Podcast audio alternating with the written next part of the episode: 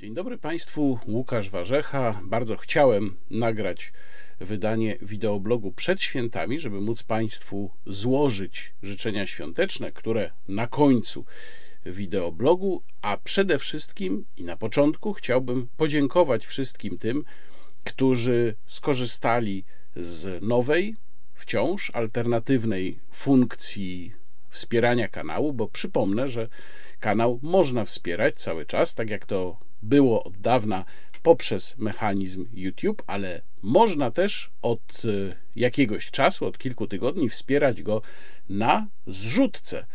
I adres do zrzutki jest bardzo prosty: e, zrzutka.pl ukośnik warzecha. Adres e, podaję w opisie filmu. Bardzo Państwu dziękuję za wszystkie dotychczasowe wpłaty. Dzięki nim ten kanał będzie funkcjonował. Namawiam do wpłat cyklicznych, doceniając rzecz jasna wszystkie, bo zrzutka daje tutaj pełną dowolność. To jest mechanizm wygodniejszy niż YouTube'a. Można wpłacić raz, można wpłacić po filmie, który się podobał, nie wpłacać po filmie, który się nie podobał. Bardzo serdecznie dziękuję. To jest pierwsze ogłoszenie parafialne i drugie ogłoszenie dotyczy nowej polityki YouTube'a, ponieważ e, państwa wpłaty są dla mnie niezwykle ważne, ale wciąż e, ważne są również pieniądze z monetyzacji kanału. No a YouTube wprowadził taki mechanizm, który demonetyzuje i tu nie ma pełnej jasności,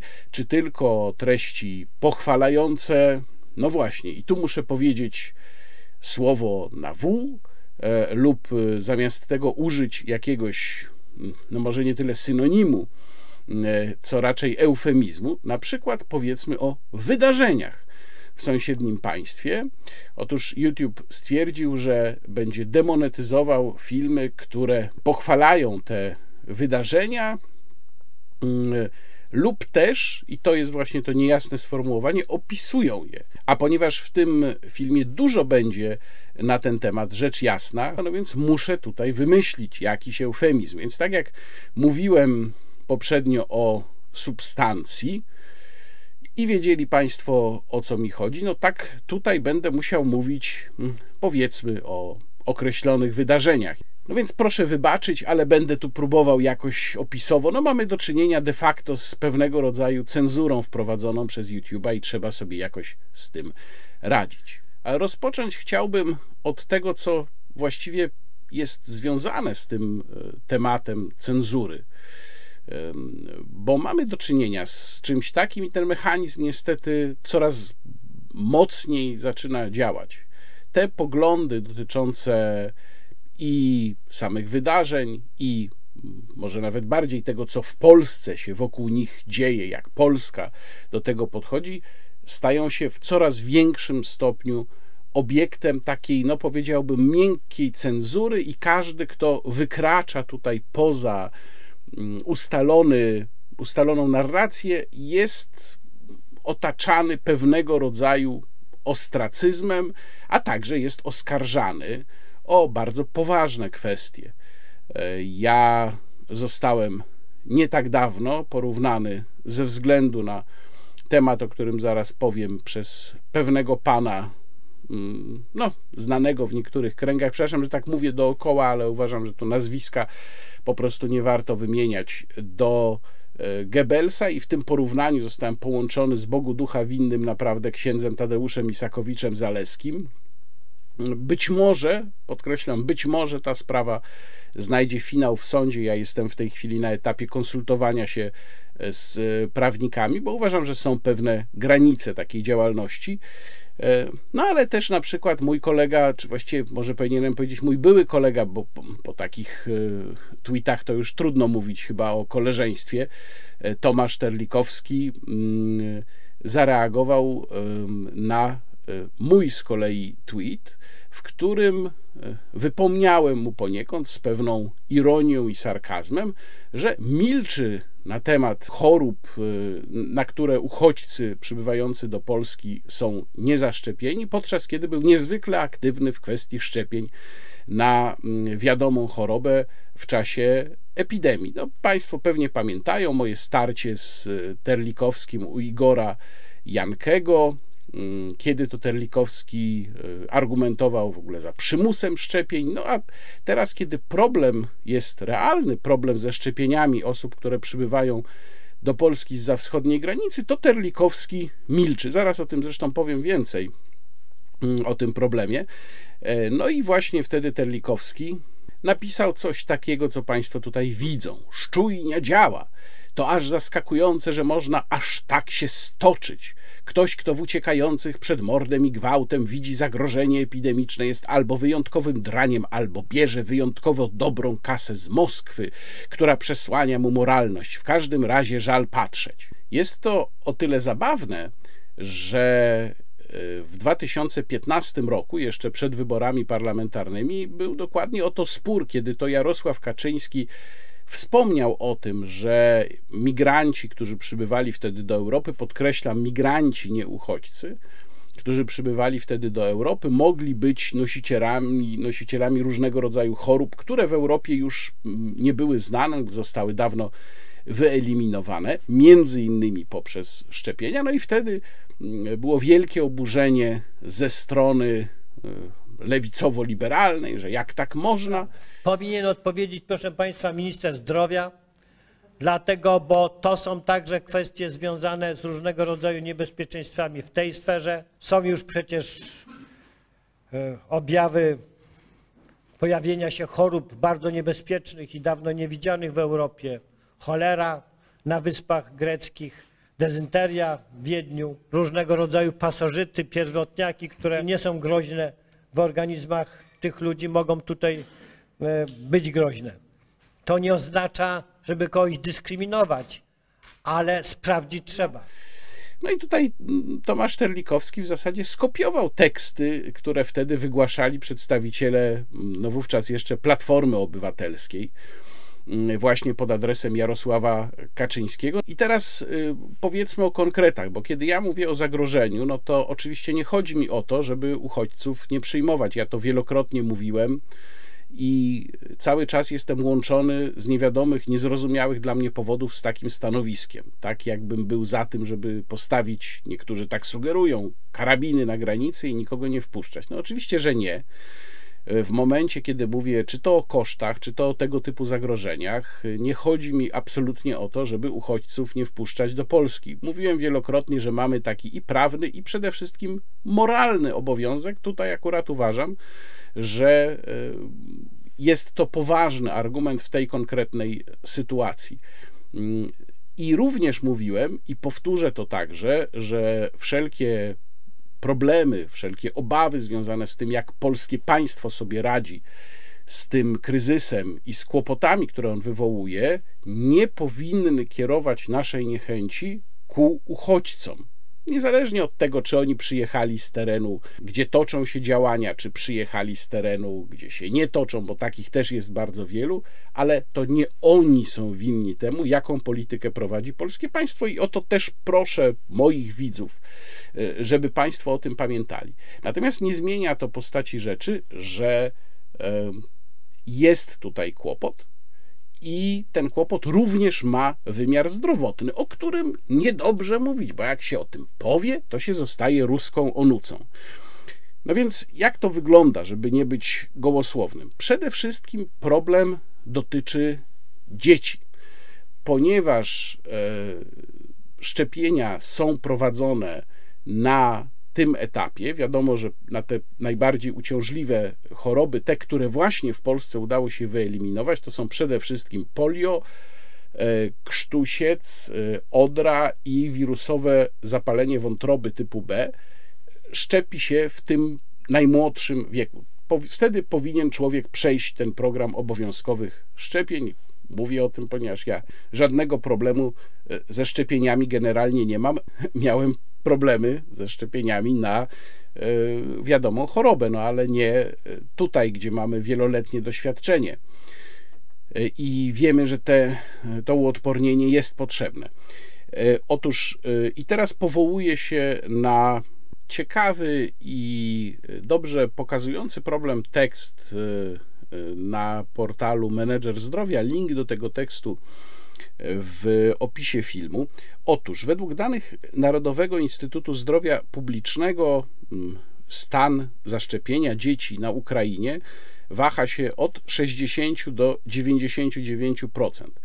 Mm, to wahanie wynika z tego, że Ukraina przechodziła bardzo różne koleje, jeżeli chodzi o właśnie kwestie szczepień. Generalnie próbowano bardzo mocno tę sytuację poprawić w ciągu ostatnich powiedzmy trzech lat, no ale zaczęły się wiadome wydarzenia i teraz już nikt nie ma głowy do tego, żeby na przykład kończyć program y, szczepień dla swojego dziecka, a wcześniej ta sytuacja po 2014 roku no też była taka y, bardzo nieciekawa, to znaczy poziom szczepień na te najważniejsze choroby był stosunkowo niski, więc trochę się to w pewnym momencie y, Ukraińcom zaczęło udawać poprawić, ale jest to zbyt mało.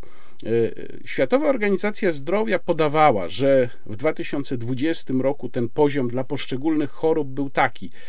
Przeciw odrze to było 81,9%, przeciwko polio 84,2%, przeciw krztuścowi 81,3% i przeciw y, WZW typu B 89%. Jeżeli jako próg zbiorowej odporności podaje się 90%, no to widać, że w przypadku wszystkich tych chorób poziom był wyraźnie poniżej tych 90%.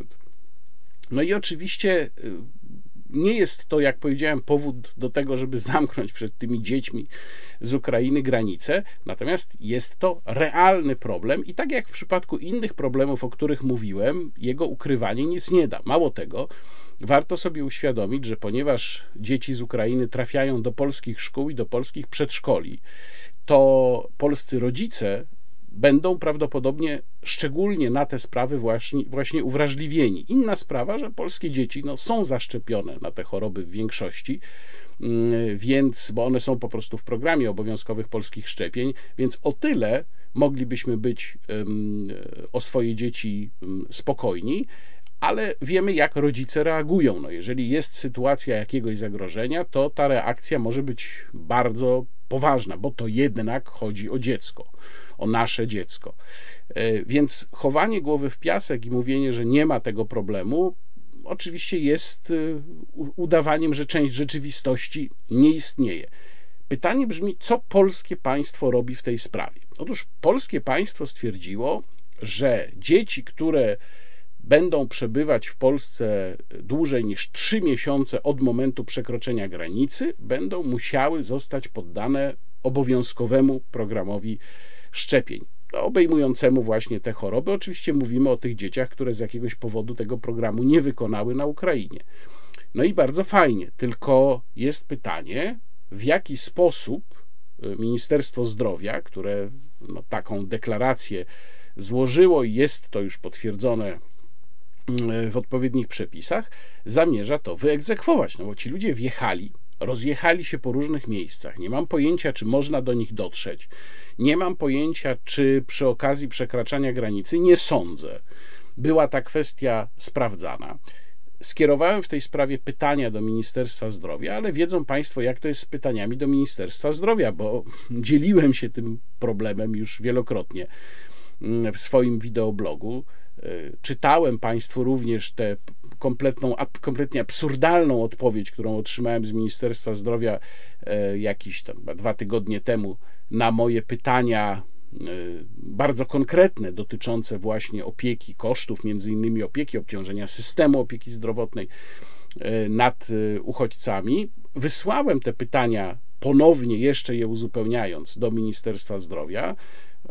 Nie dostałem żadnej odpowiedzi. Teraz wysłałem ponownie jeszcze raz te pytania. Już zresztą Ministerstwo Zdrowia ustawę o dostępie do informacji publicznej złamało swoim zachowaniem. Wysłałem te pytania ponownie, uzupełnione właśnie o to, o czym teraz Państwu mówię, czyli między innymi o pytanie, jaki procent y, dzieci, bo tu pytałem o osoby do 19 roku życia, y, ma problem, tych, spośród tych, które wjechały do Polski, ma problem ze szczepieniami, czyli nie ma, nie ma wykonanego tego programu obowiązkowych szczepień i jak ministerstwo zamierza do tych y, dzieci, do tych osób dotrzeć. No, zobaczymy, czy ministerstwo się w ogóle pofatyguje, żeby jakichś odpowiedzi udzielić.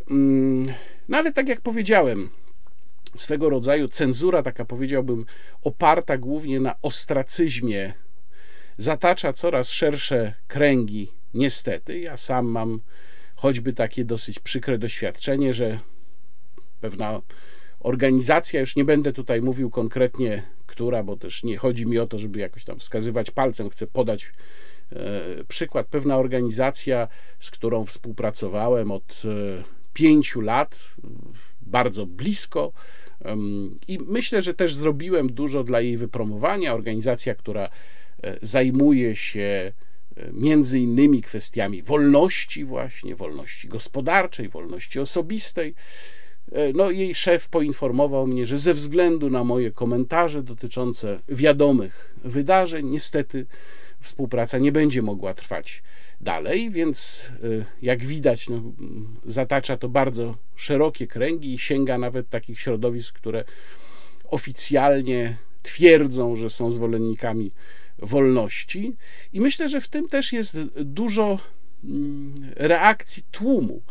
Ja sobie zacząłem odświeżać po wielu, wielu latach psychologię tłumu Gustawa Lebona, książkę napisaną pod sam koniec i wydaną pod sam koniec XIX wieku. Mój tekst na ten temat, napisany dla magazynu Kontra, znajdą Państwo właśnie w magazynie Kontra. Link, jak zwykle, załączam w opisie filmu. I muszę powiedzieć, że czytając tę książkę, która no, liczy sobie przecież już po, dobrze ponad 100 lat, jestem zaskoczony tym, jak trafne były obserwacje Lebona, który zdiagnozował wszystkie cechy tłumu. I ten tłum, który rzecz jasna w jego czasach nie miał jeszcze takiej globalnej natury, jaką ma dzisiaj, bo nie było mediów społecznościowych, ale od dzisiaj właśnie się stał tłumem globalnym. Le Bon też nie pisał tylko o tłumie fizycznym, e, ponieważ no przecież w, pod koniec XIX wieku już e, media istniały, media w postaci prasy drukowanej istniały i roznosiły się pewne koncepcje, więc Le Bon tam bardziej mm, ogólnie traktuje sprawę tłumu, natomiast pewnie w dzisiejszych czasach, gdyby żył, no to by spojrzał na tłum w sensie również tego tłumu zglobalizowanego, właśnie, który się mm, napędza poprzez media społecznościowe, ale mechanizmy są dokładnie te same. Utrata racjonalności, zdolności do racjonalnego myślenia, pewna e, żywiołowość krótkotrwała, ale jednak e, skłonność do e, ekstremizmów, do kierowania się emocjami, uczuciami, kompletna niezdolność do racjonalnego myślenia. Le Bon zresztą w tej swojej książce używa no, takiego niepoprawnego politycznie języka, bo w końcu mówimy o czasach bardzo odległych od dzisiejszych czasów, kiedy ta cenzura językowa obowiązuje, więc Le Bon tam zupełnie wprost pisze, że jednostka, która znajdzie się w tłumie, obniża zdecydowanie swoje zdolności intelektualne. No, bardzo trafne obserwacje i mam wrażenie, że te przykłady, o których wcześniej powiedziałem, one e, albo takie przykłady jak ten, no tutaj na przykład Państwo widzą, co wypisuje pracownik TVP Piotr Gursztyn. E, no, to są takie przykłady właśnie, które oddają e, psychologię tłumu, o której Lebon pisał, albo też są to przykłady ludzi, którzy mają ambicje, żeby tym tłumem pokierować, no bo to również Lebon opisuje w swojej książce, że tłumowi czasem trzeba coś rzucić i tłum wtedy za tym podąży. Więc jeżeli ktoś chciałby, żeby tłum podążył w jakimś określonym kierunku, no to też y, może się właśnie posługiwać tymi cechami typowymi y, dla tłumu w pewien sposób umiejętnie, ale Lebon ostrzega, że taki ktoś może się stać w którymś momencie również ofiarą samego tłumu. Gdy zaś idzie o kwestię cenzury, no to sięgnęła ona nawet Gazety Wyborczej i Konstantego Geberta. E, głośna chyba sprawa, myślę, że wielu z Państwa to odnotowało, kiedy to Konstanty Gebert postanowił napisać, tu abstrahuję kompletnie od tego, czy jest to e, prawda, czy jest to słuszne stwierdzenie, czy nie. To jest, myślę, na dłuższą e, dyskusję, ale postanowił napisać o tym, że no jeden z pułków, pewnie Państwo wiedzą, o którym mówię, na literę A, E, które e, walczą podczas wydarzeń, ma czy wyznaje ideologię neonazistowską. No i tego Gazeta Wyborcza postanowiła nie puszczać. No więc Konstanty Gebert rozwiązał współpracę z Gazetą Wyborczą. Jeżeli chodzi o sam ten problem, bo tutaj jest wokół tego mnóstwo kontrowersji, ja mm, mam swoją opinię na ten temat, ona jest Pewnie Państwo to wiedzą, bo już o tym też mówiłem. Ja uważam, że ten, te problemy są tak naprawdę marginalne, one nie stanowią kłopotu, stanowią być może problem wizerunkowy dla samych Ukraińców. Mogą stanowić, ale nie stanowią kłopotu we wzajemnych stosunkach. Natomiast postanowiłem um, spróbować dowiedzieć się więcej od kogoś, kto um, był na miejscu, zna Ukrainę, zna ludzi, którzy tam y, toczą walkę, uczestniczą w tych wydarzeniach i taki właśnie, taka właśnie osoba będzie y, wkrótce gościem mojego programu Polska na serio. Y, nie zdradzę na razie, żeby utrzymać trochę napięcia, kto to będzie, ale człowiek, który ma bezpośrednie doświadczenia i wie, co tam się dzieje, i myślę, że będzie okazja, żeby z nim dokładnie o tym porozmawiać. To na marginesie. E, no warto jeszcze odnotować, że są jednak miejsca, gdzie da się dyskutować, nawet jeżeli jest różnica zdań. Jednym z takich miejsc jest e, Nowa Konfederacja. Tutaj ukłony dla e, Bartka Radziejewskiego i dla Stefana Sękowskiego, który napisał taki mm, tekst uderzający w, jak to on określił, realistów, ale Słowo realiści było ujęte w cudzysłów, więc też jest pytanie, czy naprawdę w realistów, czy w takich powiedzmy łże-realistów. Mm, ja przeczytałem uważnie tekst Stefana i postanowiłem napisać z nim polemikę, i ta polemika ukazała się w Nowej Konfederacji, na portalu Nowej Konfederacji. Link oczywiście w opisie filmu. Wielkie podziękowanie dla redakcji, która e, zgodziła się tę polemikę opublikować. No są takie miejsca, gdzie, jak mówię, można się różnić w poglądach, ale można też właśnie ze sobą y, polemizować. I jeszcze jedna zapowiedź z tym związana mm, u Igora Jankego w jego podcaście Układ Otwarty, w którym, którego temat też się trochę spiąłem z Igorem y, na Twitterze po jego programie z y, ambasadorem RP w Kijowie, Bartoszem Cichockim.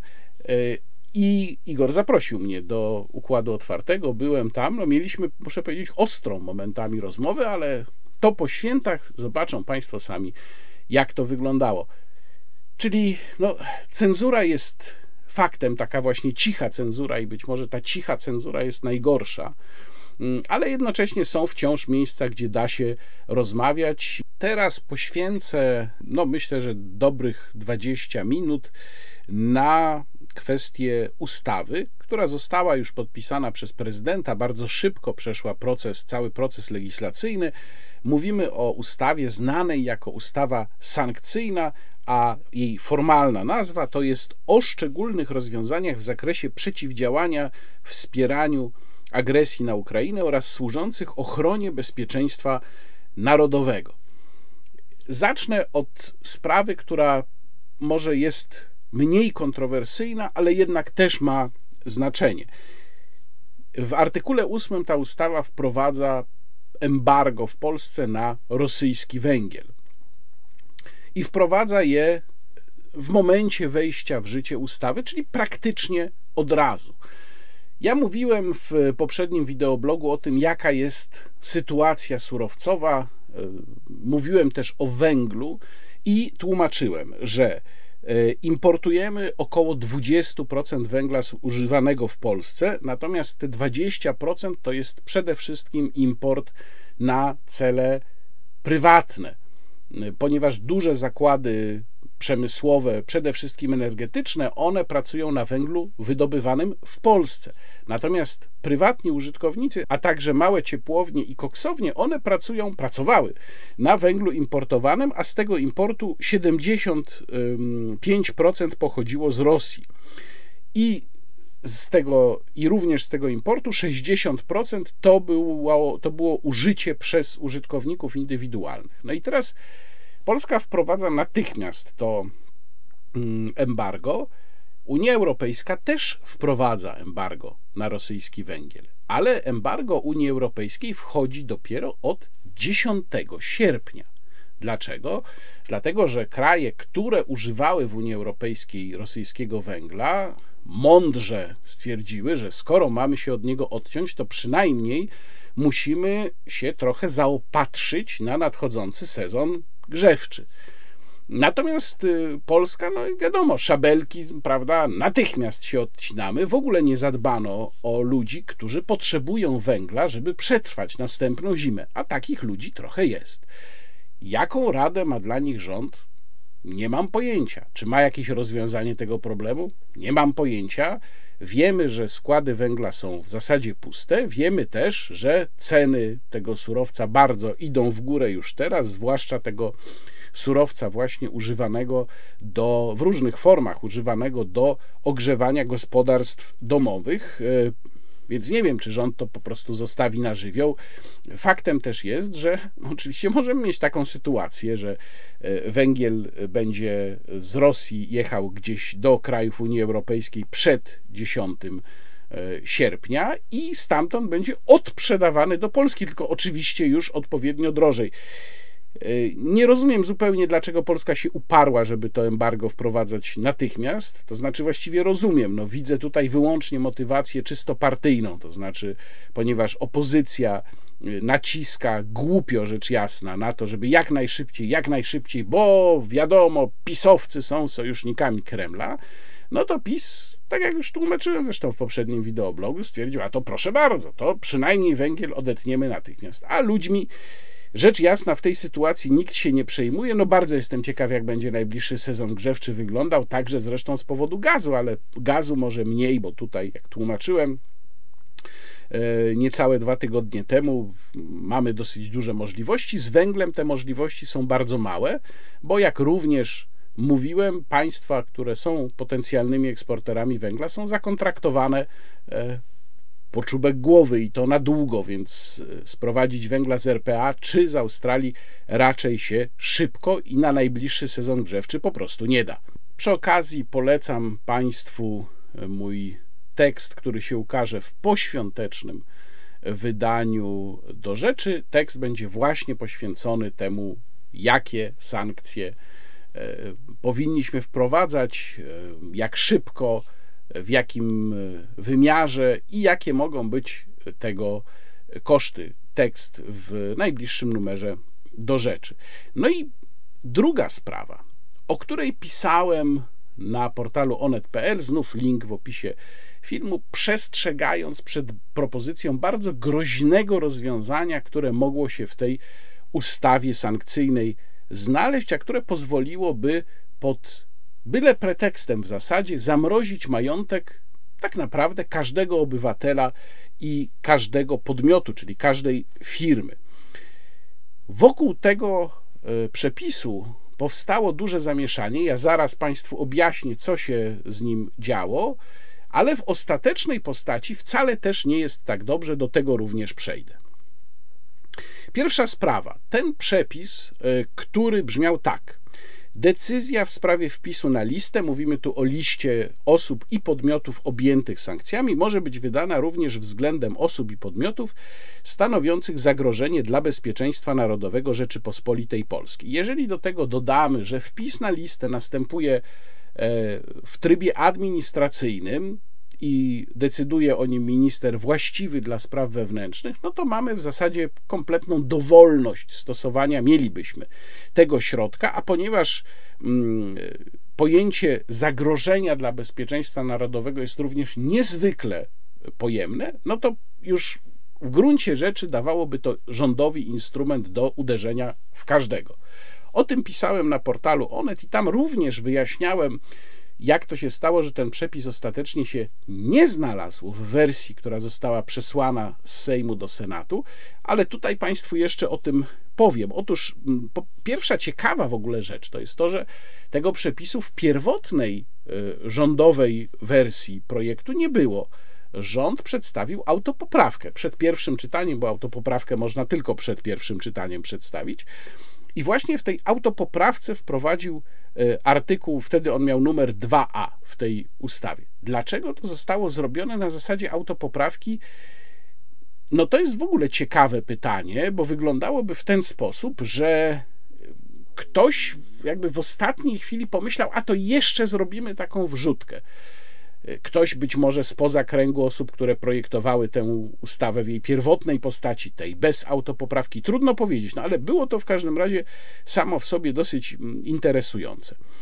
Podczas obrad połączonych Komisji Finansów Publicznych i Spraw Wewnętrznych przedstawiciele Koalicji Obywatelskiej i Polski 2050 rekomendowali wykreślenie tego artykułu z ustawy. On wtedy miał już numer 3. Tam nastąpiło pewne uporządkowanie numeracji przepisów. Oczywiście PiS rekomendował odrzucenie tej poprawki e, na posiedzeniu Sejmu w drugim czytaniu, wiadomo. A jednak o dziwo poprawka przeszła. 232 głosy do 224. Jak to było możliwe? Otóż było to możliwe dzięki temu, że po pierwsze za poprawką, czyli za skreśleniem tego niebezpiecznego przepisu, głosowała cała opozycja, włącznie z trzema posłami koła Kukiz 15. Sam Paweł Kukiz akurat nie głosował. Z opozycji, jeżeli można to tak nazwać, no w każdym razie spoza klubu PiS, przeciwko poprawce byli tylko, uwaga, wielkie zaskoczenie, panowie posłowie Mejza i Eichler. E, natomiast w klubie PiS znalazły się trzy osoby, które zagłosowały za poprawką. I to były panie e, posłanki Teresa Hałas i Anna Maria Siarkowska i pan poseł Sławomir Zawiślak. Warto odnotować, no bo to jednak e, jest odwaga przeciwstawienie się swojemu klubowi w takiej sytuacji i udało się ten przepis wykreślić.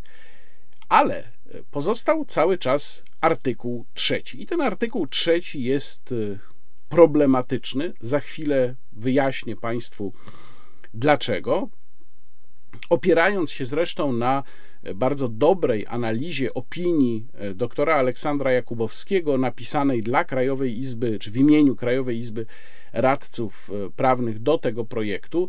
Ja cytowałem już doktora Aleksandra Jakubowskiego w jednym z poprzednich wideoblogów, ponieważ pan e, doktor Jakubowski e, również w imieniu Krajowej Izby Radców Prawnych przeanalizował dogłębnie projekt, jak Państwo być może pamiętają, ustawy Hoca. Tym razem też przeczytałem dokładnie opinię pana doktora Jakubowskiego. Link do całości tego tekstu, tej opinii umieszczam w opisie filmu.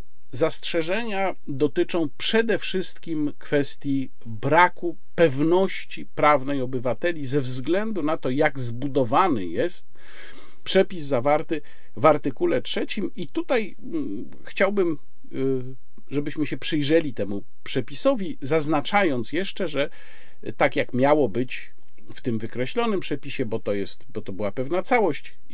Decyzja o wpisaniu na listę sankcyjną ma charakter administracyjny, no to oznacza, że podlega jedynie kontroli sądu administracyjnego właśnie, a sąd administracyjny, czy wniesienie sprawy do sądu administracyjnego nie wstrzymuje oczywiście wykonania decyzji. Decyzja jest wykonalna natychmiastowo.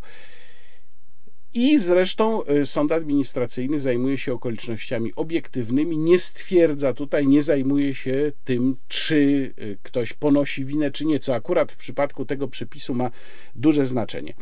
Y, ale spójrzmy dokładnie, jak jest, jak wygląda ten przepis i co w zasadzie w nim mamy. Artykuł 3 ustęp 1. Minister właściwy do spraw wewnętrznych wydaje decyzję w sprawach wpisu na listę oraz wykreślenia z niej.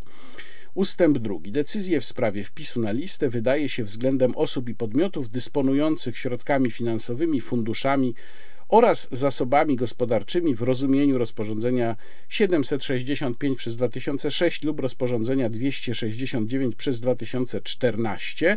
Wyjaśniam, że są to rozporządzenia Rady Unii Europejskiej, które y, dotyczą sankcji nakładanych na reżim w pierwszym przypadku, czyli rozporządzenie z 2006 roku Aleksandra Łukaszenki, w 2014 dotyczą działań y, Rosji przeciwko Ukrainie ale y, tutaj chodzi tylko o to, żeby zdefiniować te środki, którymi dysponuje osoba, którą szef MSW wpisywałby na listę. Więc odwołanie do tych przepisów w zasadzie nie ogranicza w żaden sposób możliwości zastosowania tej y, sankcji w Polsce.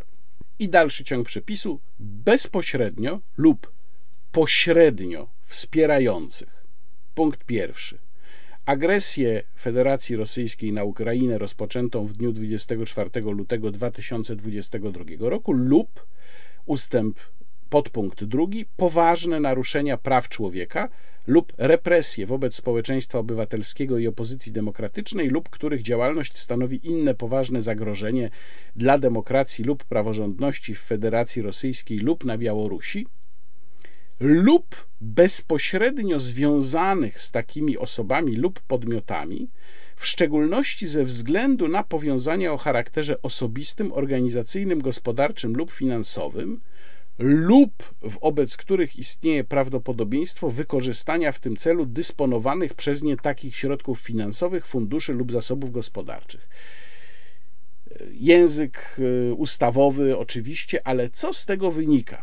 Tu znów ukłony w kierunku pana doktora Jakubowskiego, który bardzo pięknie to mm, rozwikłuje i wskazuje na milizny tego przepisu. Otóż wynika z tego pierwsza wątpliwość.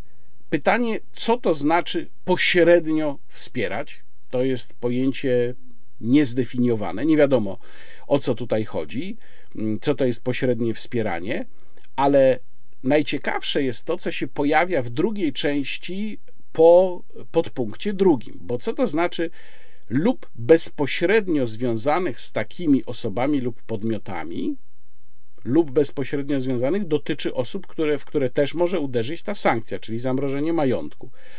W szczególności ze względu na powiązania o charakterze osobistym, jeżeli w przepisie mamy sformułowanie w szczególności, to znaczy, że mogą być też jakieś inne względy. W szczególności, czyli wymieniona jest tylko część przesłanek. Ze względu na powiązania o charakterze osobistym, organizacyjnym, gospodarczym lub finansowym. Wynika z tego przepisu, jeżeli go przeczytać zgodnie z wykładnią językową, że jeżeli mamy jakiś podmiot, który wspiera pośrednio, cokolwiek to oznacza, agresję Federacji Rosyjskiej, to wystarczy być powiązanym osobiście z tym podmiotem i już można zostać wpisanym na listę sankcyjną. I tutaj e, doktor Jakubowski w swojej ekspertyzie podaje taki przykład. Jeżeli za pośrednie wspieranie uznalibyśmy na przykład kupowanie artykułów produkowanych w Rosji, no bo to tak naprawdę jest pośrednie wspieranie, ponieważ kupujemy coś, pieniądze za to coś idą do podmiotu, który jest własnością, czy obywatela rosyjskiego, czy w każdym razie gdzieś tam te pieniądze zasilają ostatecznie budżet rosyjski, no czyli pośrednio wspieramy i teoretycznie sankcje w postaci zamrożenia majątku mogą dotknąć na przykład brata, siostrę, żonę, nie wiem kogo jeszcze, tej osoby, która kupiła ten rosyjski produkt, nawet nie tylko nią samą.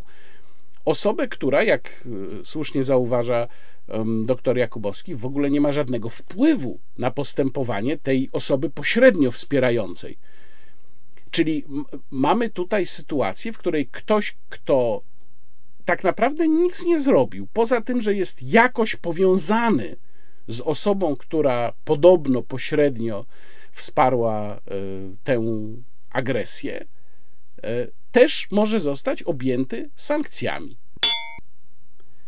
No, albo ktoś nie rozumie, co zapisał w tym przepisie, i mam nadzieję, że to właśnie jest tego kwestia, czyli że jest to zwykła bezmyślność, patolegislacja, albo jeżeli ktoś rozumie dobrze, co zapisał, to jest to przepis bardzo niebezpieczny. I dalej, w drugiej części jeszcze tego przepisu czytamy, lub wobec których istnieje prawdopodobieństwo wykorzystania w tym celu dysponowanych przez nie takich środków finansowych, czyli istnieje prawdopodobieństwo. To jest pytanie, co to znaczy?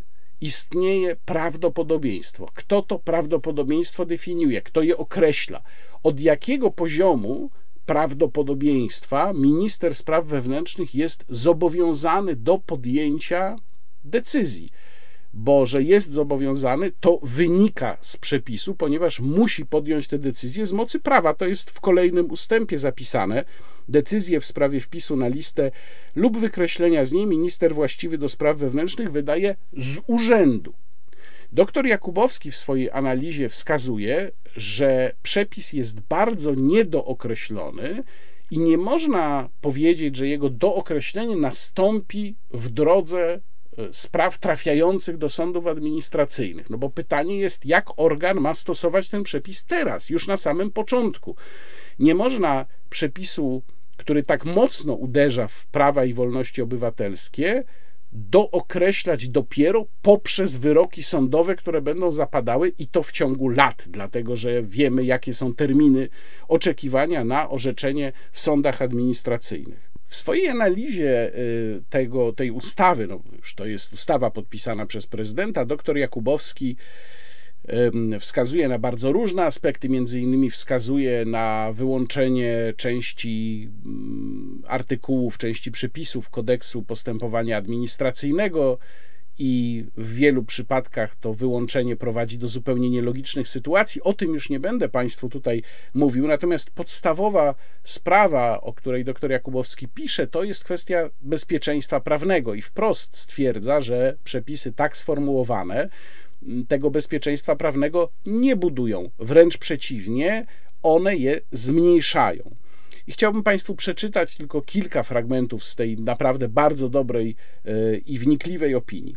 Interpretowany zgodnie z zasadami wykładni prawa, przepis ten, mówimy cały czas tutaj o artykule trzecim, ma bardzo szeroki zakres podmiotowy. Można nawet rozważać, czy osoba lub podmiot, kupując produkty pochodzące z Rosji, choćby nieświadomie, pośrednio wspiera agresję Federacji Rosyjskiej na Ukrainę, skoro generuje zyski dla podmiotu rosyjskiego, który płaci podatki w Rosji. W aktualnym brzmieniu artykuł 3 ustęp 2 ustawy stanowi o jakimkolwiek pośrednim wsparciu agresji. Co więcej, objęta sankcją może zostać także osoba, która pozostaje z osobą pośrednio wspierającą, w związku o charakterze osobistym, organizacyjnym, gospodarczym lub finansowym, czyli na przykład takiego zakupu dokona mąż czy żona, bądź jest zatrudniona u osoby dokonującej zakupu. No, czyli nawet pracownik firmy, której właściciel coś kupił w Rosji, teoretycznie może zostać objęty sankcjami. No tak jest zbudowany przepis. Przyjęty obecnie, pisze dalej e, dr Jakubowski, kształt przepisu artykułu 3 ustęp 2 ustawy nie zawęża się do wspierania agresji Federacji Rosyjskiej na Ukrainę czy naruszeń praw człowieka w Rosji i na Białorusi środkami finansowymi, funduszami oraz zasobami gospodarczymi, ale umożliwia zastosowanie sankcji w przypadku każdego rodzaju wsparcia, bezpośredniego lub pośredniego, a zatem nie tylko materialnego. No i tu znów mamy pytanie – co to oznacza, bo to są pojęcia niesamowicie szerokie. Tak naprawdę tylko od dobrej woli pana ministra zależy, czy nie uzna w pewnym momencie, że niektóre tezy wcale nie pochwalające tych wydarzeń, ale na przykład no, kwestionujące niektóre elementy, powiedzmy, ukraińskiej narracji, nie mieszczą się w tym katalogu, a w takim razie, czy osoby jej wygłaszającej nie należy objąć sankcjami. Na tym tle, i tutaj o tym pisze wprost dr Jakubowski, na tym tle sformułować można obawy związane z niejasnością co do tego, czy, a jeśli tak, w jakich przypadkach, hipotezę normy wypełnić mogą również zachowania związane z korzystaniem z wolności słowa. I dalej.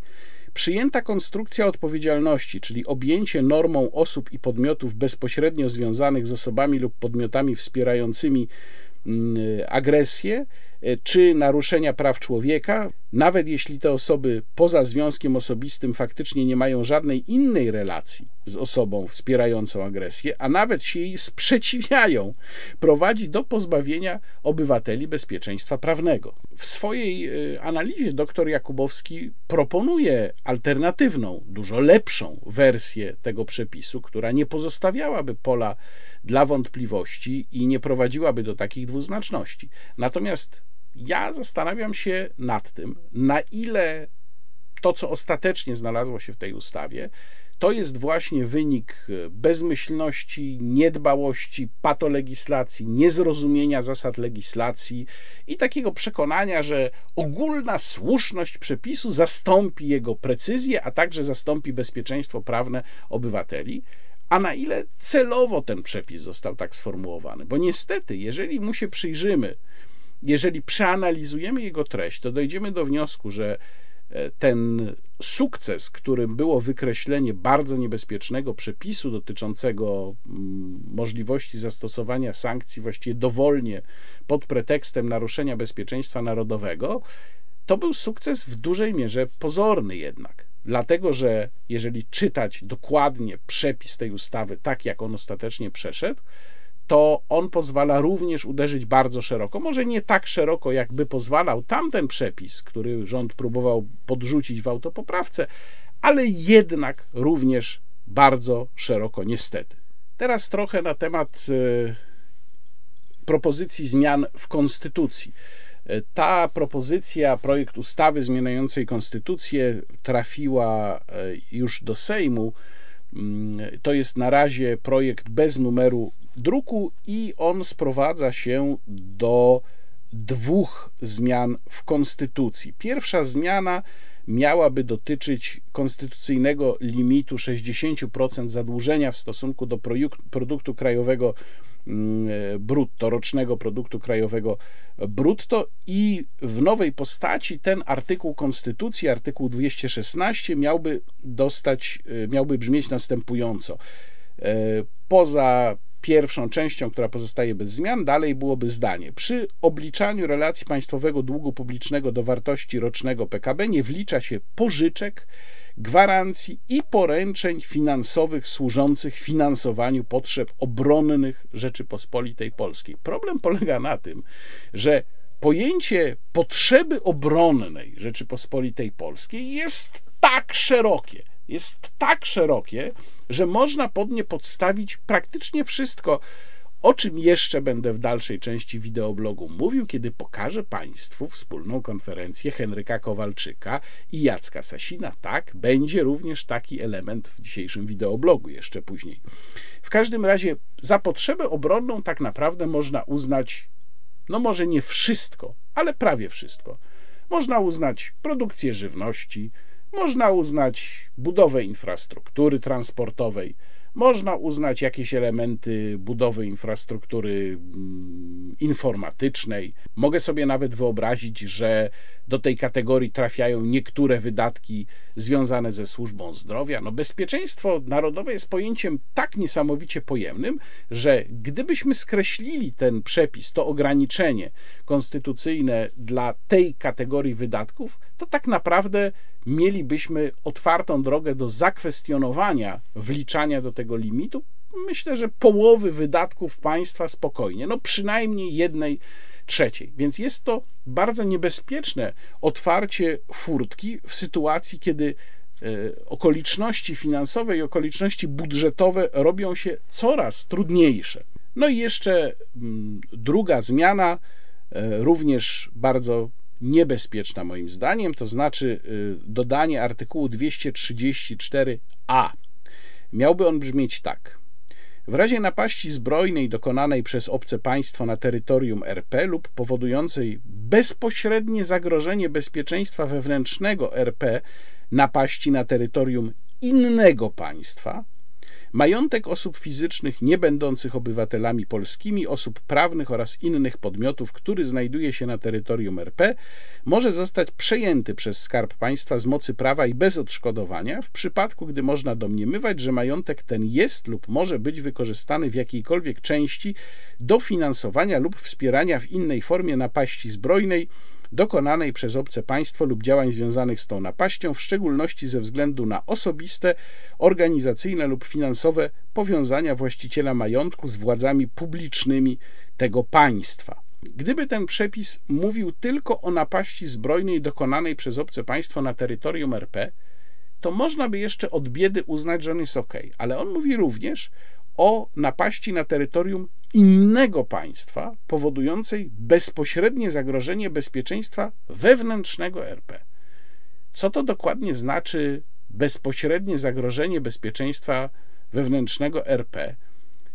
Nie ma tutaj mowy o napaści na terytorium państwa sąsiedniego, czyli tak naprawdę od interpretacji władzy zależy, czy uzna napaść na jakieś inne państwo za zagrażającą temu bezpieczeństwu, czy nie. No można sobie na przykład teoretycznie wyobrazić, że powiedzmy wydarzenia w Afganistanie albo w Gruzji też zostałyby uznane za podpadające pod tę kategorię, i wtedy mamy przejęcie, możliwość przejęcia majątków obywateli innego państwa, którzy legalnie mieszkają w Polsce, legalnie prowadzą tu interesy, e, mieszkają być może od bardzo, bardzo dawna, na podstawie wyłącznie domniemania.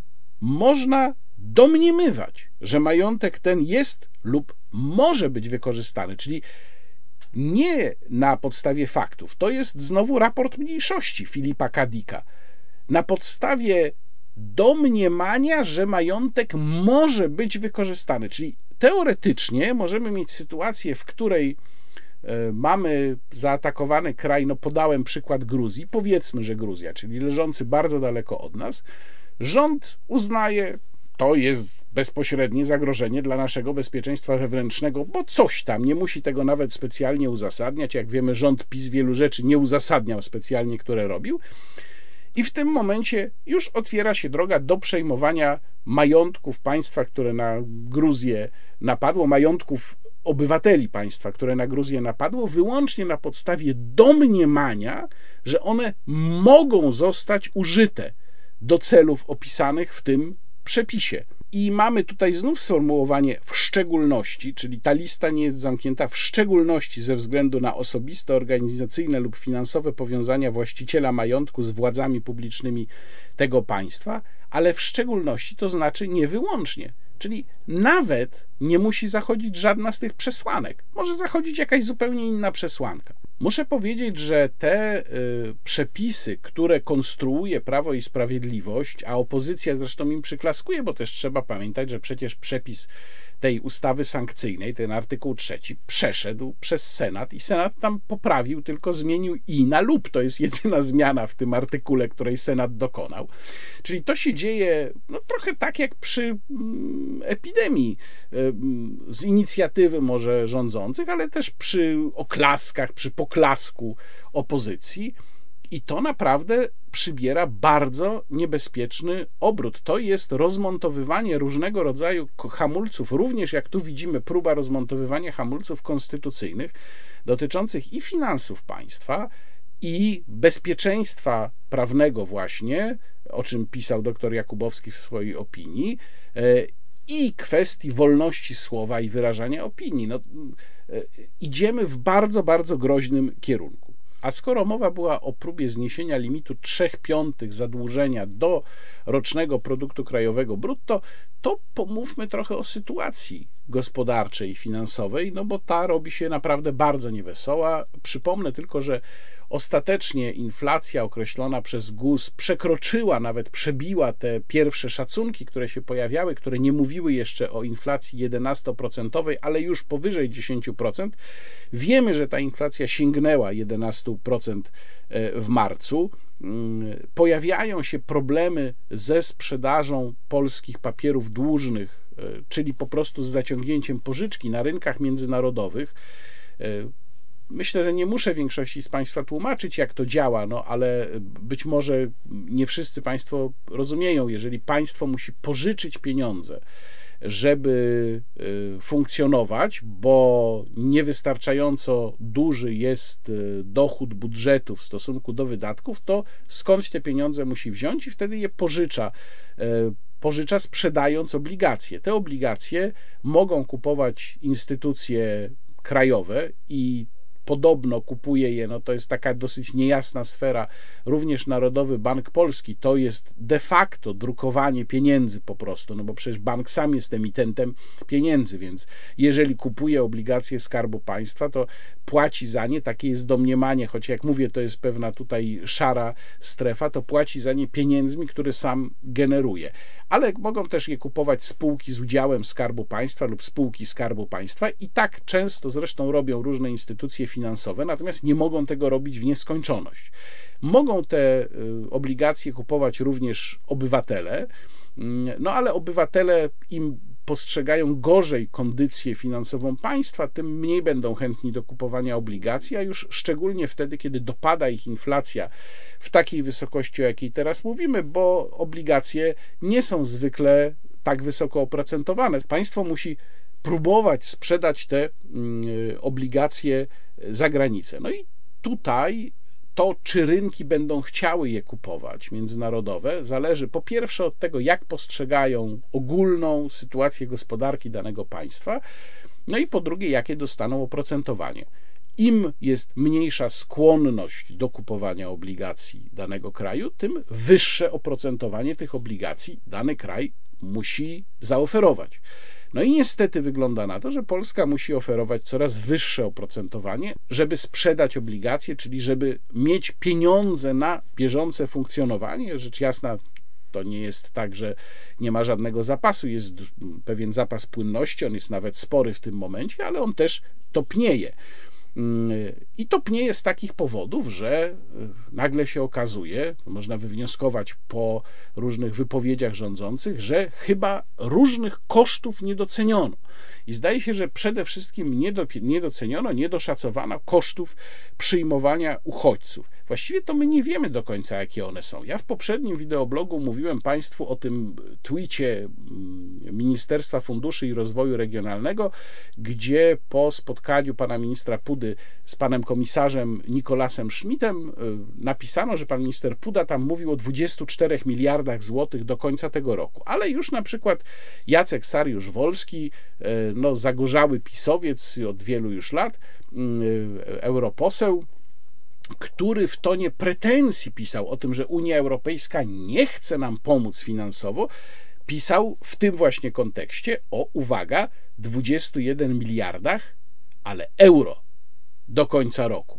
Skąd tę sumę wziął Jacek Sariusz-Wolski? No też nie mógł jej wziąć z sufitu gdzieś, co by znaczyło, że te koszty no, wielokrotnie przekraczają, znaczy czterokrotnie przekraczają to, o czym mówił pan e, minister Puda. E, pan minister Niedzielski z kolei przyznał, że każdy milion uchodźców to jest miesięczny koszt dla systemu ochrony zdrowia rzędu 300 milionów złotych. Czyli 3 miliardy e, za 10 miesięcy. To by były za milion uchodźców. Jeżeli jest więcej uchodźców, no to oczywiście mm, koszt jest większy. Krótko mówiąc, wkopaliśmy się w bardzo wysokie koszty i zrobiliśmy to w taki sposób, co już zresztą tłumaczyłem, że Unia Europejska może nam dzisiaj pokazać figę i powiedzieć: Skoro tak świetnie wam idzie, to sobie radźcie sami. Trzeba to było rozegrać inaczej, trzeba było ograniczyć to, jakimi uprawnieniami obdarzamy e, uchodźców E, trzeba było od razu walczyć o relokację, trzeba było twardo od razu walczyć o pieniądze, a nie deklarować, jak to zrobił Jarosław Kaczyński, że my tam po prośbie nie będziemy chodzić, bo my tu, my tu poradzimy sobie. E, I powiedzieć, że my jesteśmy w stanie zrobić tyle. Uchodźcy, którzy od nas tyle dostają, prawdopodobnie będą chcieli pojechać dalej na zachód, no bo tutaj nie dostaną zbyt wiele, dostaną to, co muszą dostać, do czego jesteśmy zobowiązani, ale nic więcej, i wtedy być może ta sakiewka unijna by się bardziej rozwiązała. No ale skoro myśmy sypnęli od razu groszem i uprawnieniami tak szeroko, no to przecież nasi y, ukochani partnerzy w Berlinie czy w Paryżu musieliby być kompletnymi idiotami, żeby teraz nas wspierać hojnie finansowo w momencie, kiedy tak naprawdę mają okazję, żeby nas tam trzymać wiadomo y, za co. Tymczasem w tej atmosferze trwa ekscytacja sondażami które mają pokazywać, że Polacy kompletnie się nie przejmują skutkami finansowymi, chcą embarga na rosyjskie surowce. Były dwa takie sondaże. Ja o jednym z nich pisałem w cyklu Konstytucja Wolności. Link umieszczam w opisie filmu na portalu Do Rzeczy, w, w dziale Do Rzeczy Plus. Dwa takie sondaże. Y, jeden to był sondaż dla radia RMF i dziennika Gazety Prawnej. United Service zapytało, czy należy zrezygnować z rosyjskich gazu, ropy i węgla, nawet za cenę wyższych rachunków. Zdecydowanie tak odpowiedziało 53,7%, raczej tak 31,6%, czyli mm, razem ponad 85% było za. Raczej nie 7,7, zdecydowanie nie 2,5%, a nie wiem 4,6%. A najnowszy taki sondaż to jest sondaż CEBOS za embargiem na gaz i ropę z Rosji, no bo węgiel już mamy, o tym mówiłem wcześniej, opowiedziało się 80%, 9% przeciwko i z tych 80% 93% jest za tym rozwiązaniem, nawet jeśli będzie się to wiązać ze wzrostem cen tych surowców. Rzecz jasna, oba te sondaże są kompletnie bez sensu z kilku powodów. Po pierwsze, dlatego, że większość respondentów w ogóle nie rozumie mechanizmów gospodarczych, czyli dla nich wyższe ceny surowców, o które tutaj w sondażu CEBOS pytano i zresztą mm, e, pytano również w tym pierwszym sondażu, tam było sformułowanie za cenę wyższych rachunków, dla przeciętnego respondenta wyższa cena ropy, no to jest po prostu to, że on na stacji więcej zapłaci. Natomiast przeciętny respondent kompletnie nie pojmuje tego, że wyższa cena ropy oznacza po prostu wzrost inflacji, czyli wzrost cen wszystkiego wzrost cen w dużej mierze również w koszyku produktów spożywczych, które i tak tam już inflacja przekroczyła grubo te 11% rok do roku. To jest pierwsza sprawa. I druga sprawa jest taka, że nie mówimy tu o żadnych konkretach. Gdyby taki sondaż miał mieć jakąkolwiek wartość, to trzeba by w nim konkretnie zapytać. I tu byłbym bardzo ciekaw wyników, gdyby jakaś redakcja zdecydowała się tak skonstruować sondaż, to bym go bardzo chętnie Państwu przytoczył. Czyli ile byłbyś gotów dodatkowo zapłacić w zamian za wprowadzenie embarga na rosyjską ropę i gaz. 500 zł miesięcznie, 1000, 2000, 3000. Ciekaw jestem, jak tutaj by się rozłożyły odpowiedzi, gdyby zapłacić oczywiście nie tylko za ten surowiec, ale w ogóle zapłacić w sensie dołożyć do kosztów życia. Gdyby właśnie pokazać ludziom konkretne sumy, które się już przekładają na jakość ich życia, nawet na ich zdolność do utrzymania się. Bo przecież, jeżeli zostanie to zrobione zbyt pośpiesznie, bez zapewnienia alternatyw, no to możemy mieć, i to alternatyw rozsądnych cenowo, to możemy mieć pewność, że wpływ takiego działania na um, nasze funkcjonowanie, na naszą codzienność finansową, czy w ogóle codzienność życiową będzie po prostu ogromny. I myślę, że będą osoby, które dopiero wtedy by zajarzyły, że kurczę, coś tutaj jednak się nie spina. To znaczy, ja sobie po prostu na to nie mogę pozwolić, bo zdechnę z głodu. No ale w atmosferze powszechnego wzmożenia mm, nikt oczywiście o czymś takim nie myśli. Ja natomiast polecam bardzo mocno najnowszy program z cyklu Polska na serio na kanale Świat Rolnika, gdzie rozmawiałem z Piotrem Maciążkiem z portalu Strefa Inwestorów. Rozmawialiśmy o tym właśnie, e, jak na jakich warunkach, kiedy i za jaką cenę my, jako Polska, możemy zrezygnować z surowców z Rosji. Rozmawialiśmy rzeczowo, spokojnie, bez odwoływania się do jakichś konotacji ideologicznych. E, polecam tę rozmowę. E, myślę, że bardzo dużo można się dowiedzieć o konkretach. Piotr Maciążek jest bardzo kompetentnym rozmówcą. Link do rozmowy umieszczam w opisie filmu. Teraz kilka słów o rocznicy 10 kwietnia, ale nie będę tutaj odwoływał się do e, raportu podkomisji. E, właściwie większość tego, co miałem do powiedzenia, powiedziałem w poprzednim wideoblogu nagranym przed 10 kwietnia, a także napisałem w tekście na salonie 24 o tym, dlaczego pozostaje smoleńskim agnostykiem. Natomiast chciałbym e, razem z Państwem zerknąć do wywiadu Jarosława Kaczyńskiego dla Polskiej Agencji Prasowej, krótkiego wywiadu, mm, ponieważ tutaj Jarosław Kaczyński mówi jednak kilka ciekawych rzeczy. Między innymi mówi tak. Do ustalenia na poziomie procesowym jest jeszcze tylko, kto za to odpowiada. Możemy powiedzieć, przecież to musiało być zrobione na życzenie Kremla, na polecenie Putina, ale między takim stwierdzeniem a dowodem procesowym jest różnica. Tutaj jest jeszcze praca do wykonania. Prokuratura z różnych przyczyn, których nie będę tu rozwijał, mocno się opóźnia.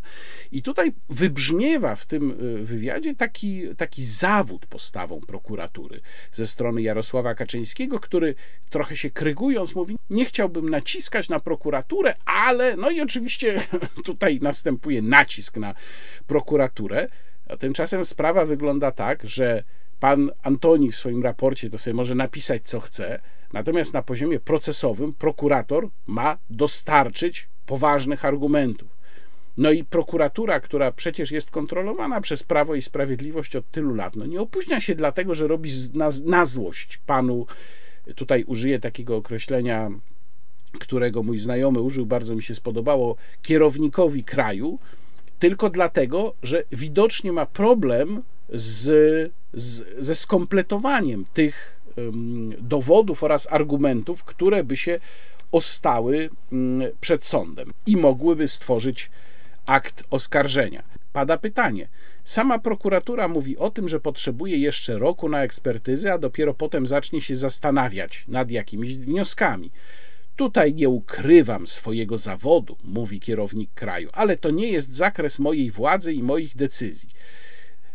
No można się zastanawiać, czy jeżeli najważniejszy człowiek w państwie w ten sposób mówi o działaniach prokuratury, to nie jest to wywieranie y, nacisku. Kolejna rzecz, na którą warto zwrócić uwagę w tym wywiadzie, to jest w zasadzie przyjęcie przez Jarosława Kaczyńskiego jako już stuprocentowego pewnika, że po pierwsze doszło do zamachu, no to już wiadomo absolutnie, i po drugie, że za tym zamachem stała Rosja.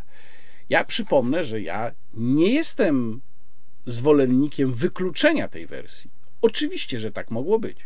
Natomiast sytuacja, w której powiadam, de facto najważniejsza osoba w państwie, z takim przekonaniem, ale nie podając żadnych twardych argumentów, bo ich nie ma, stwierdza, że tak było z całą pewnością i że to jest zupełnie oczywiste, no jednak budzi poważne obawy, przynajmniej moje, o sposób rozumowania tej osoby, o wykorzystywanie tej sprawy w polityce czysto partyjnej oraz o motywację tej osoby przy podejmowaniu decyzji, które dotyczą różnych spraw ważnych dla naszego kraju. I dalej bardzo ciekawie mówi Jarosław Kaczyński na temat działań polskich służb specjalnych. Polskie służby specjalne, powiada, są tak skonstruowane, że mają ręce związane bardzo mocno, a według mnie także i nogi. Ta konstrukcja prawna byłaby dobra, gdybyśmy leżeli tam, gdzie Portugalia, a może jeszcze dalej.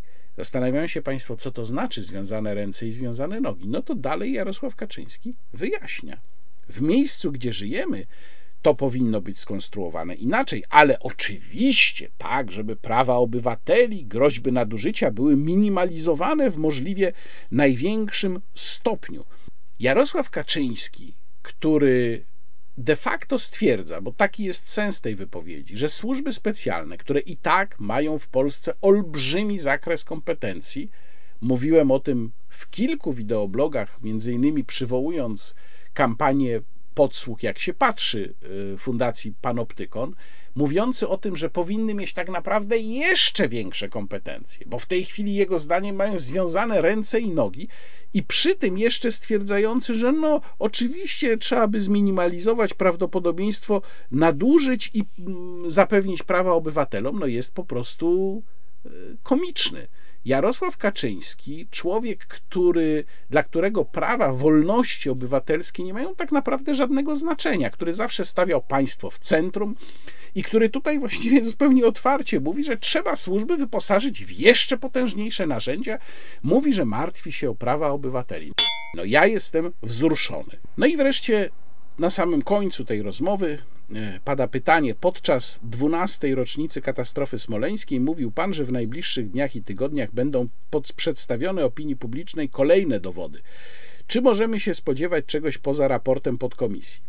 Sądzę, że Antoni Macierewicz przedstawił bardzo wiele, ale tego jest dużo więcej. Kiedy to będzie ostatecznie wszystko pokazane z wszystkimi szczegółami, ale na pewno to będzie przekazywane przez dłuższy czas, bo takie raporty powinny być pełne i odpowiadać na wszelkie pytania i wątpliwości. Czy podkomisja będzie działać dalej? Komisja powinna jeszcze dalej działać, bo jeszcze ma sporo do zrobienia. Czyli gonienie króliczka będzie trwało dalej. Temat jest gorący, trwają wydarzenia, wiadomo jakie. To jest świetne podglebie, żeby ciągle o tym mówić, ciągle to grzać, wracać do tego i podkreślać, że to na pewno już wszystko wiadomo, tylko że jeszcze nie wiadomo, no bo niby wszystko wiadomo, ale jeszcze mnóstwo do zrobienia ma Antoni Macierewicz. No a skoro przytoczyliśmy e, słowa kierownika kraju w związku z katastrofą smoleńską, to spójrzmy teraz, nie mogłem sobie tego odmówić, jak wyglądało wręczenie, gala wręczenia Nagrody Człowieka Wolności, tygodnika rybackiego, tygodnika Braci Klęczących. Drugi raz ten tytuł otrzymał właśnie Jarosław Kaczyński. W ogóle mówienie o Jarosławie Kaczyńskim, skrajnym etatyście, centraliście, że jest człowiekiem wolności, no to samo w sobie jest już komiczne. Natomiast to, co mówili członkowie rządu i obozu politycznego Jarosława Kaczyńskiego podczas tej gali, przeszło chyba wszystkie możliwe poziomy lizusostwa i wazeliniarstwa. Ja tych wystąpień, a w szczególności wystąpienia pana premiera, słuchałem z gigantycznym zażenowaniem. Nie sądziłem, że takie hektolitry wazeliny można wylewać. Niby już dużo tego słyszałem. I były już takie uroczystości wcześniej, ale mam wrażenie, że to z miesiąca na miesiąc się pogarsza. No a może z punktu widzenia niektórych polepsza. Mm, zanim dalej jeszcze powiem parę słów, to najpierw proszę zobaczyć, przygotowałem taki skrót dla Państwa. Ten skrót jest kilkunastominutowy. No, zrozumiem, jeżeli niektórzy z Państwa tego nie wytrzymają, ale proszę mi wierzyć, że jednak warto zobaczyć, bo też nie wszyscy się tak postarali. Na przykład pan premier się postarał bardzo i chyba wygłaszał te swoje peany na klęczkach ale na przykład pan minister Kamiński jakoś tak bardzo skrótowo się przemknął. No, moim zdaniem nie postarał się pan Kamiński, nie postarał. Proszę zobaczyć. Skala osiągnięć życiowych, doświadczenie, wiedza, umiejętności i wielowymiarowość w działalności politycznej i społecznej na rzecz naszego kraju absolutnie predestynują do uhonorowania premiera Jarosława Kaczyńskiego tytułem Człowieka Wolności. Jarosław Kaczyński całym swoim życiem a także teraz, w tym szczególnie trudnym czasie, udowadnia, że wolność to wartość nadrzędna, to fundament. Jarosław Kaczyński od lat buduje wolną Polskę. Zabiega, by Polacy mogli nie tylko być wolnym narodem, ale także by mogli z tej wolności korzystać dla społecznego i osobistego rozwoju. Gdy myślę o panu premierze Jarosławie Kaczyńskim, mam głębokie przekonanie, że wydobył to zdanie ze sfery symbolu wypełnił je realną treścią przez podejmowane działania i życiowe wybory. Od Solidarności przez porozumienie Centrum do Prawa i Sprawiedliwości po dziś, gdy upomina się o wolność Ukrainy w Kijowie, na który lecą bomby. Niech żyje nam prezes 100 lat!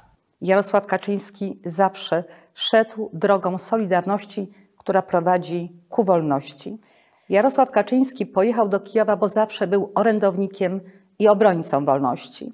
To była wizyta w imię wolności, wolności Ukrainy, ale przede wszystkim w imię wolnej i bezpiecznej Polski. Jeszcze raz serdeczne gratulacje, panie premierze.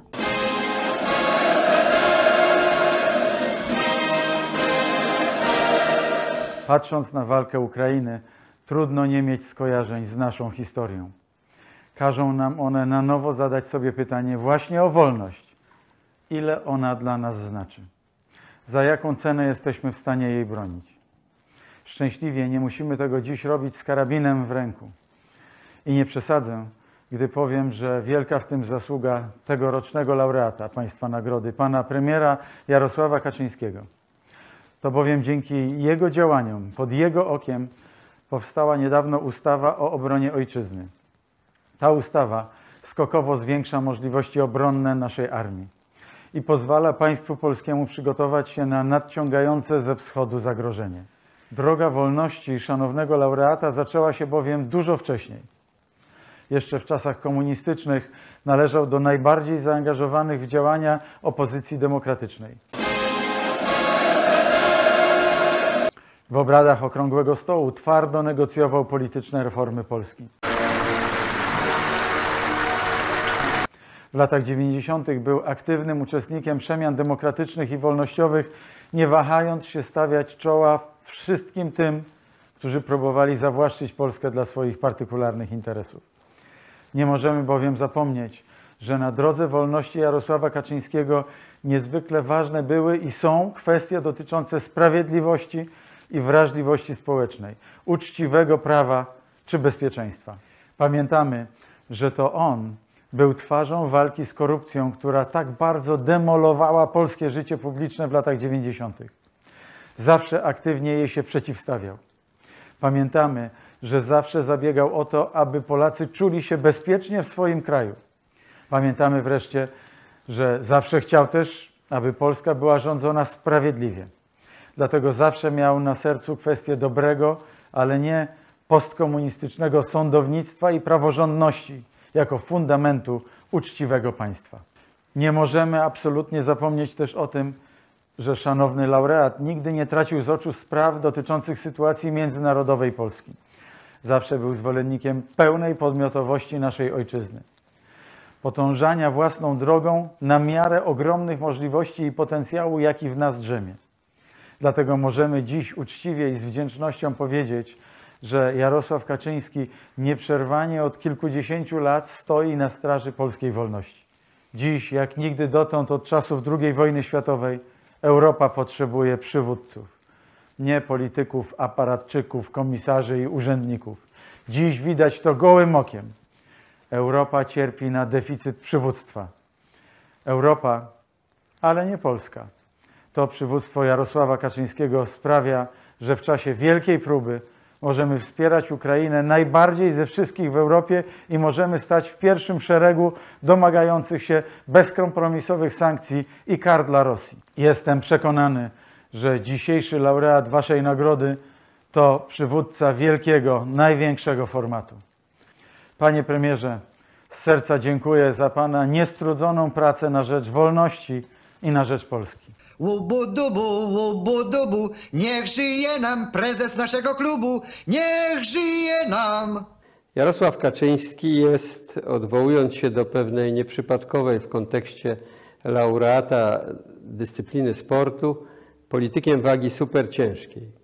I to w skali nie tylko ogólnopolskiej czy regionalnej, ale także europejskiej.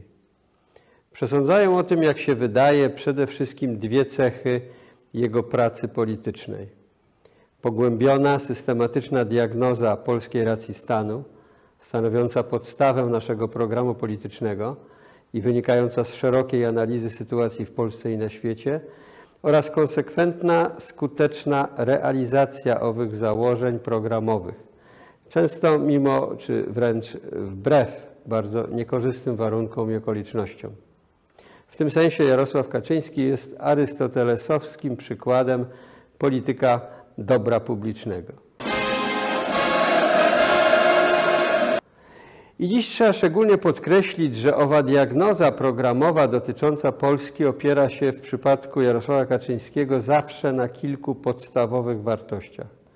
Takich na przykład jak kwestia bezpieczeństwa narodowego, solidarności społecznej, tożsamości kulturowej, czy wreszcie właśnie wolności, jako niezbywalnego atrybutu wspólnoty i jednostki ludzkiej.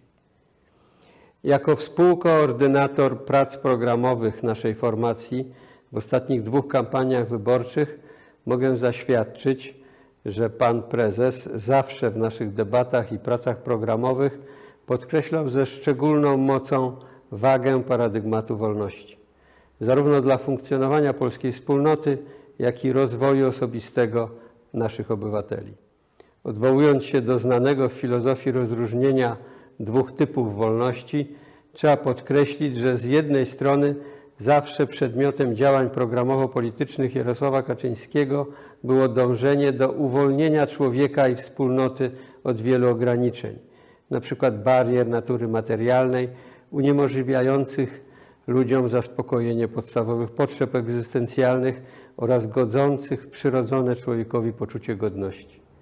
Z drugiej strony charakterystyczne dla Jarosława Kaczyńskiego jest dążenie do poszerzania zakresu wolności pozytywnej, zdolności ludzi do swobodnego działania, kreowania nowych rozwiązań, samorealizacji, a także ciężkiej, twórczej pracy dla swoich rodzin, wspólnot lokalnych i Polski.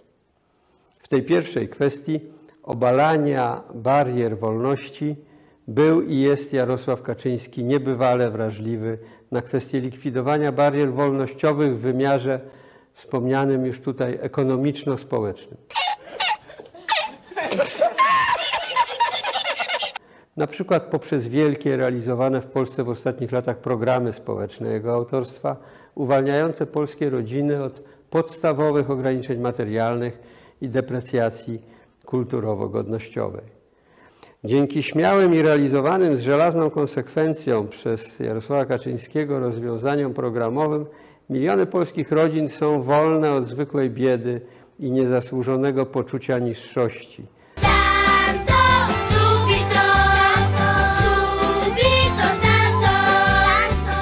Oto człowiek tak zasłużony dla wolności ponosi bardzo wysokie koszty działalności dla dobra publicznego właśnie w zakresie wolności, w zakresie ograniczeń swojej własnej wolności osobistej.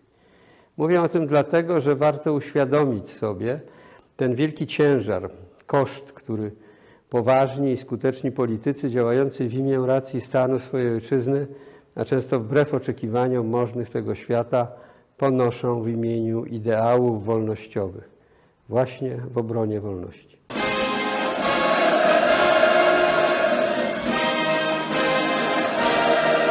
To, że skutecznie budujemy bezpieczeństwo energetyczne, uniezależniamy się od dostaw surowców ze wschodu, wzmacniamy współpracę w regionie, to, że modernizujemy armię, to wszystko zasługa tych trafnych politycznych diagnoz. To dzięki premierowi Jarosławowi Kaczyńskiemu jesteśmy dzisiaj w lepszym położeniu niż wiele państw Europy.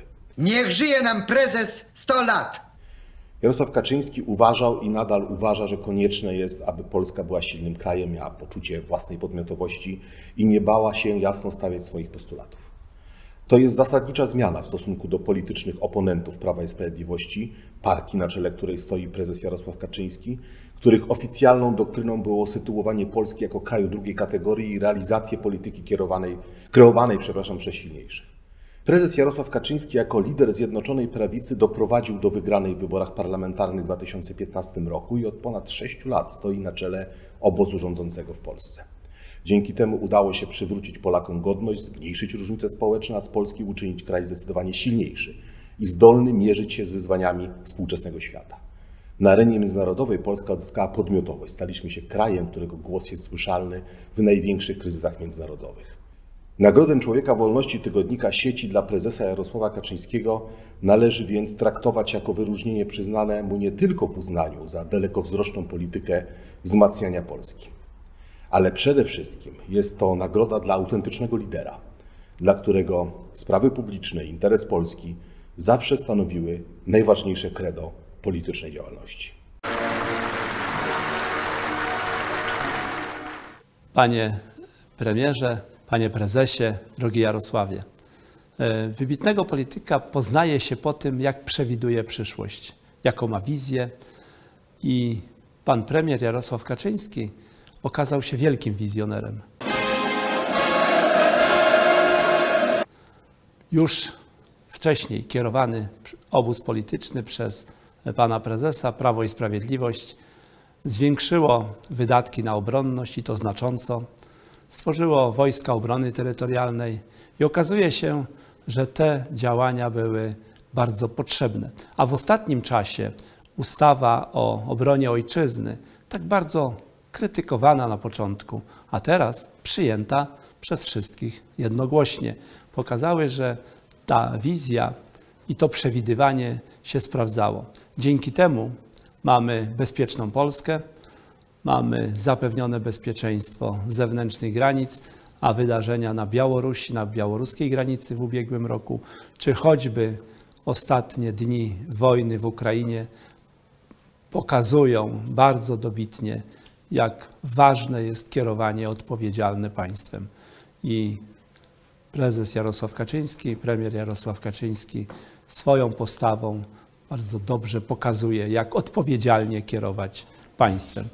Ja osobiście jestem wdzięczny i dumny, że mogę pracować w jednym rządzie e, z panem premierem Jarosławem Kaczyńskim. Łobodobo, łobodobo, łobodobo. Cieszę się, że Tygodnik Sieci docenił rolę prezesa Prawa i Sprawiedliwości pana Jarosława Kaczyńskiego.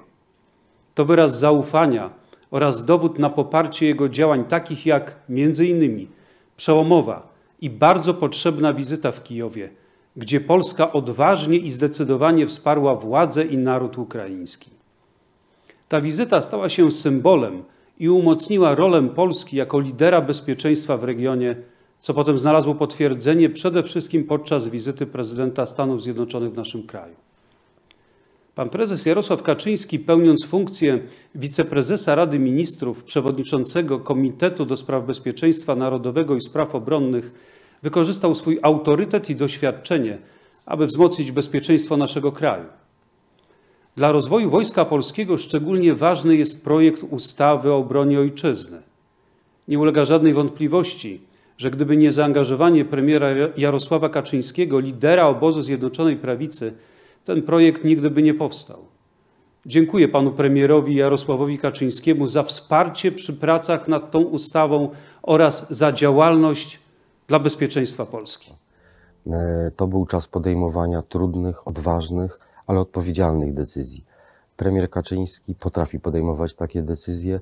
Jego rola w rozwiązywaniu sytuacji kryzysowych była kluczowa.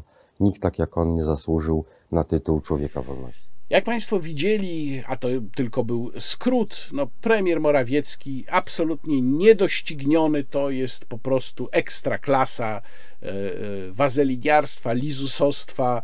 Ja się tylko zastanawiam, czy ludzie, którzy w tym biorą udział, ci ludzie, którzy tam mówili, pani marszałek Witek, premier Morawiecki, e, Anna Popek, Marcin Wikło, którzy prowadzili tę uroczystość, czy tam nikt nie ma takiego wewnętrznego poczucia żenady, że uczestniczy w cyrku, który kiedyś, gdy dotyczył Donalda Tuska przed 2015 rokiem, to był przez wiele z tych osób wykpiwany.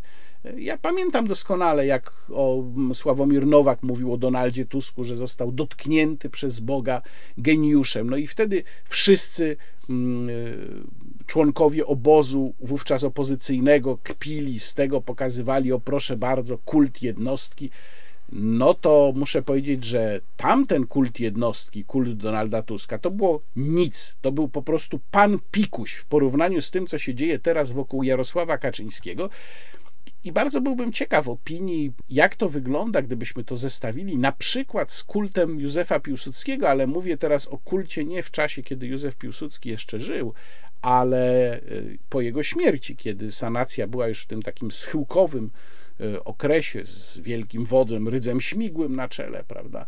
Mm, I kiedy kult Piłsudskiego już po jego śmierci się wzmógł, no nie wiem, no chyba jesteśmy mniej więcej gdzieś na tym etapie, ale jakby tak się przyjrzeć tym wystąpieniom jeszcze i szukać tam w ogóle jakiejś substancji jakiejkolwiek, poza tymi, tymi hektolitrami wazeliny, to trzeba by chyba zwrócić uwagę przede wszystkim na tę niesamowitą manipulację intelektualną, jakiej dokonuje e, profesor Piotr Gliński, kiedy mówi o Kaczyńskim jako czempionie wolności i wiąże te, te, to dążenie do wolności Jarosława Kaczyńskiego przede wszystkim ze sprawami socjalnymi. To znaczy, według Glińskiego wolność polega na tym, że się ludziom rozdaje cudze pieniądze, no bo przecież wiadomo, Margaret Thatcher, rząd nie ma własnych pieniędzy, ma tylko pieniądze podatników. Let us never forget this fundamental truth. The state has no source of money other than the money people earn themselves. If the state wishes to spend more, it can do so only by borrowing your savings or by taxing you more. And it's no good thinking that someone else will pay. That someone else is you. There is no such thing as public money. There is only taxpayers' money.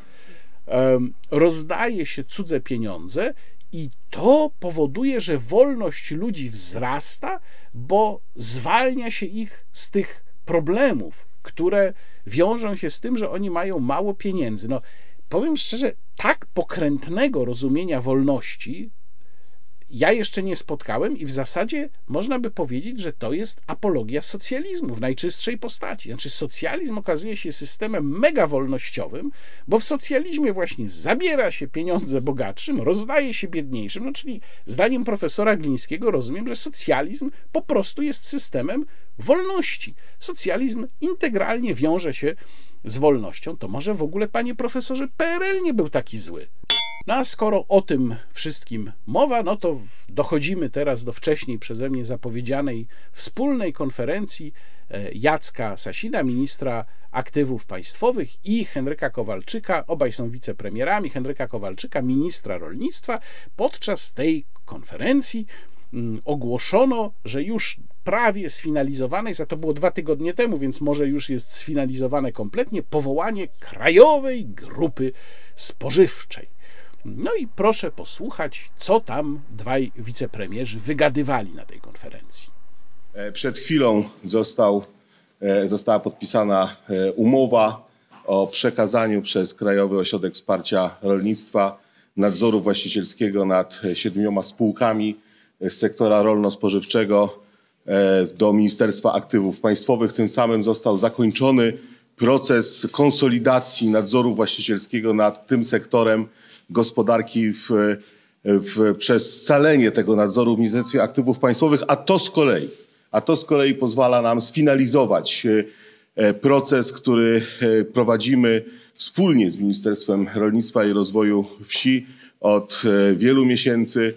Proces powołania holdingu spożywczego Krajowej Grupy Spożywczej, czyli skonsolidowania całego państwowego sektora E, rolno-spożywczego w jednym podmiocie, a tym samym stworzenie silnego podmiotu, który będzie w stanie wspierać politykę państwa w e, tym zakresie.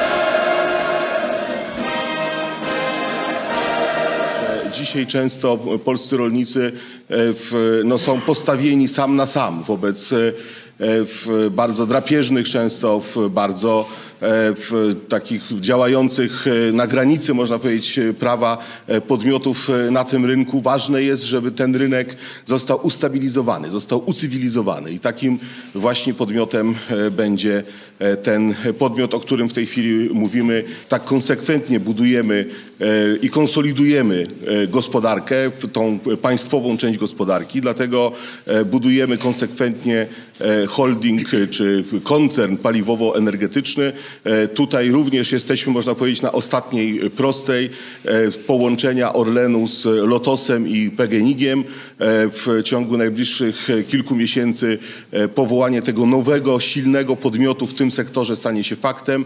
Dzisiaj mówimy o konsolidacji sektora spożywczego, również niezwykle ważnego dla bezpieczeństwa gospodarczego Polski. Będziemy również mówić i inicjować działania w innych obszarach gospodarki. Chcemy, aby polska gospodarka była silna i aby mogła skutecznie zmierzyć się z tymi wyzwaniami, które e, niesie e, w ten czas trudny, czas, w którym jesteśmy, czas kryzysów, czas zagrożeń dla e, gospodarki, dla bezpieczeństwa. Bolączką polskiego rolnictwa jest to, że przetwórstwo nie jest niestety w polskich rękach w znacznej większości. Wyjątkiem jest tutaj mleczarstwo, które wielokrotnie chwaliłem, że zupełnie inaczej jest rynek mleczarstwa wygląda, choćby dlatego, że jest w polskich rękach w formie spółdzielczości, współwłasnością rolników. Natomiast w innych dziedzinach i w innych rynkach rolnych przetwórstwo nie jest w polskich rękach i stąd bardzo dużo kłopotów i wahań cenowych, które no, są e, zauważalne przez rok. E, czasami przy nadmiarze produktów, surowców rolnych następują zmowy cenowe, ceny y, proponowane rolnikom są wręcz y, no, poniżej godności pracy rolnika, tak by to należało powiedzieć. Więc tutaj wielką nadzieję czynię z Krajową Grupą Spożywczą, że będzie łamać te zmowy cenowe, żeby rolnicy otrzymywali godne zapłaty za swoje e, produkty rolne.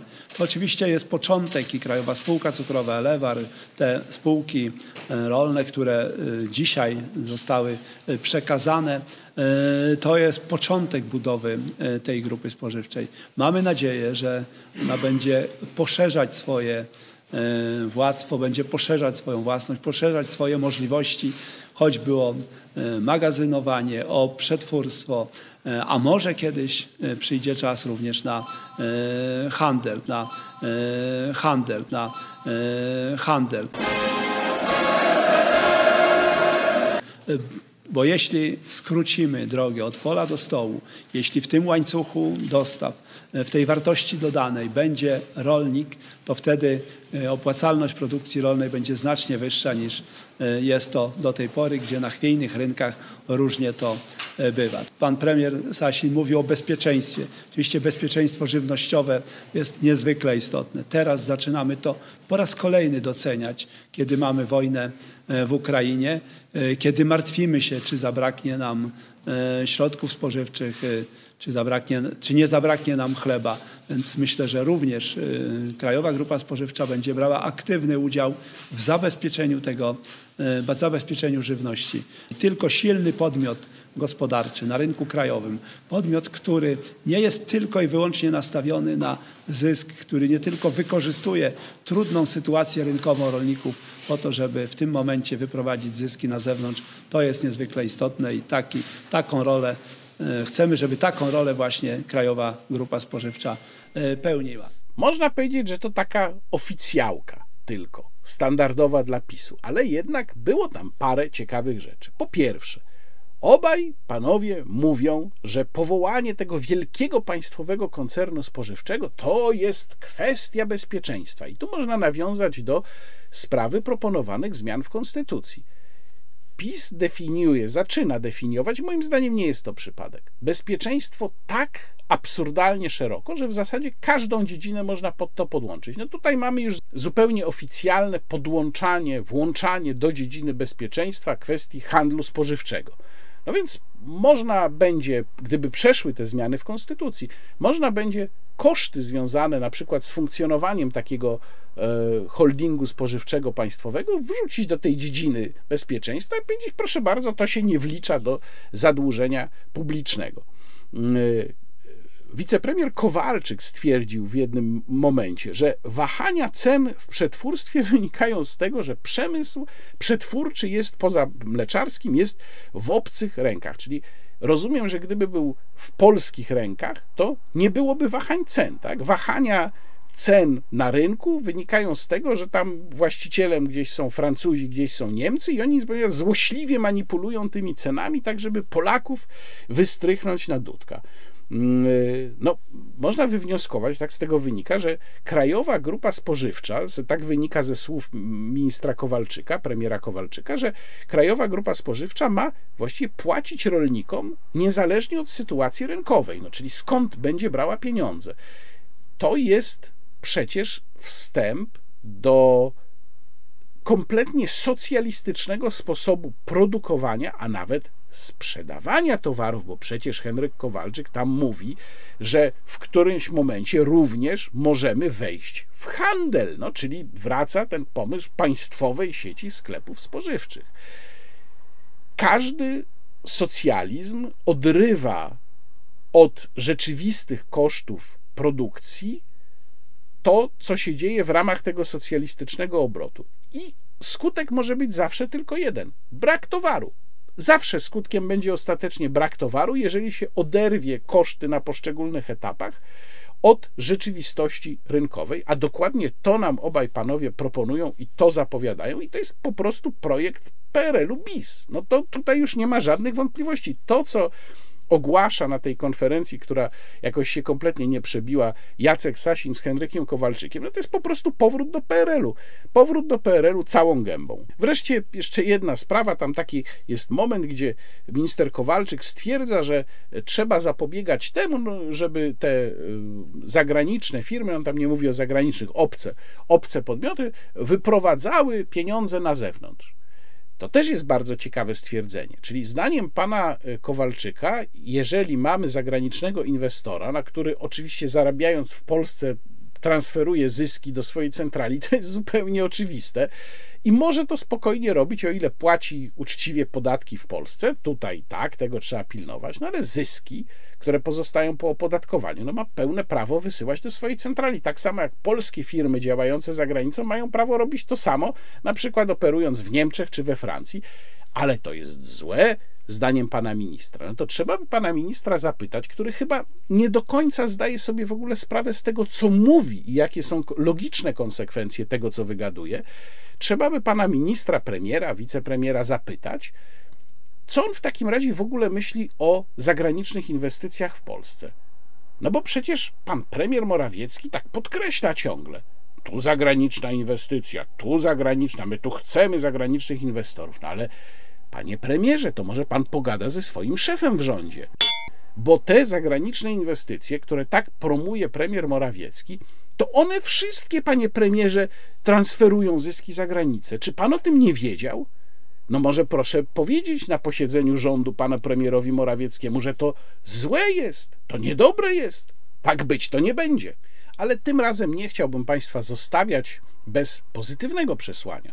A tym pozytywnym przesłaniem niech będzie książka Mit przedsiębiorczego państwa Deirdrima Kloski i Alberto Mingardiego, którą właśnie wydał Instytut Misesa. Bardzo gorąco polecam tę książkę, ponieważ ona jest odpowiedzią na złudzenia, na iluzje, które serwują nam takie osoby jak Jacek Sasin, e, Henryk Kowalczyk, czy przede wszystkim sam Mateusz Morawiecki. Chciałbym Państwu przeczytać kilka fragmentów ze wstępu do tej książki, wstępu Mateusza Machaja i Marcina Zielińskiego, a trzeba tutaj jeszcze wiedzieć, że ta książka jest taką no, dosyć fundamentalną krytyką tez włosko-amerykańskiej ekonomistki Mariany Mazzucato, do której odwoływał się właśnie nasz ulubiony Gierek 2.0. Ba, napisał nawet wstęp do jej książki. Więc tutaj mamy do czynienia z odpowiedzią również samemu premierowi Morawieckiemu. Oto i modus operandi przedsiębiorczego państwa, piszą y, Mateusz Machaj i Marcin Zieliński we wstępie do książki Mit przedsiębiorczego państwa. Najpierw trzeba znaleźć problem. Za niskie wynagrodzenia jakiejś grupy zawodowej, za mała dostępność mieszkań dla młodych ludzi, zbyt powolny wzrost gospodarczy, upadek krajowego przemysłu lub inny niekwestionowanie palący problem społeczny. Nie jest to trudne zadanie. W świecie ograniczonych zasobów problemy czekające na odkrycie są akurat nieograniczone. Kiedy już problem się znajdzie, trzeba zaproponować działanie państwa politykę, która ulży we właśnie odkrytej udręce. Oczywiście taka polityka nie może cechować się byle jakością, musi być umiejętna, mądra, świadoma, prorozwojowa, dobrze pomyślana, sprawna, efektywna i odpowiednia. Nikt nie zaproponował jeszcze interwencji określonej antonimicznymi epitetami. Jeśli tylko taka będzie, problem uda się rozwiązać. Ale co, jeśli polityka nie przyniesie zapowiadanego efektu. Na pewno nie jest to argument za jej zaprzestaniem i przyzwoleniem na to, by społeczeństwo oddolnie w ramach dobrowolnych umów decydowało, ile jakich zasobów na rozwiązanie domniemanego problemu przeznaczyć. Co to, to nie.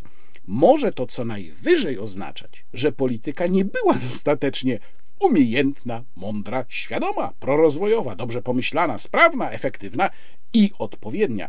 A w takim razie powinniśmy ją zrewidować i zapewne przeznaczyć więcej zasobów na jej realizację. I dalej. Wszystkie cytowane w powyższych akapitach słowa pochodzą z napisanej w 2016 roku przedmowy do polskiego wydania przedsiębiorczego państwa Mariany Mazzucato. Jej autorem był ówczesny wicepremier i minister rozwoju, a obecny premier Mateusz Morawiecki, przedstawiciel obozu, który w sferze zarówno retoryki, jak i praktyki najsilniej po 1989 roku opowiada się za aktywną rolą państwa w gospodarce. Chociaż nie da się zaprzeczyć temu, że stawiane cele są zwykle wyjątkowo ambitne, to jednak na końcu ich litanii, cytując pewnego bohatera filmowego, brakuje słowa amen. Tam skąd pochodzimy, tak właśnie się kończy modlitwy i prośby o działania nadprzyrodzone. Żeby nie sięgać pamięcią daleko wstecz, wydarzenia ostatnich lat w Polsce znakomicie ilustrują problemy państwowego, więc z konieczności upolitycznionego zarządzania. Stępka pod flagowy projekt Batory, służący odbudowie krajowego przemysłu stoczniowego, po uroczystym położeniu jej przez samego wicepremiera i ministra rozwoju, najpierw przez kilka lat rdzewiała, by teraz, jak się dowiadujemy, zostać zaoferowana skupom złomu. Nie lepiej wygląda też realizacja innych flagowych projektów strategii na rzecz odpowiedzialnego rozwoju. W jednym ze swoich wideoblogów mówiłem o tym, jak wygląda realizacja strategii odpowiedzialnego rozwoju, o której nikt już dzisiaj nie pamięta, ponieważ na ten temat swego czasu zrobił raport e, NIK. A optymalne współdziałanie sektorów publicznego i prywatnego sprowadza się do właścicielskiego i regulacyjnego poszerzania domeny państwa z konsekwencjami takimi jak wzrost korupcji i nepotyzmu.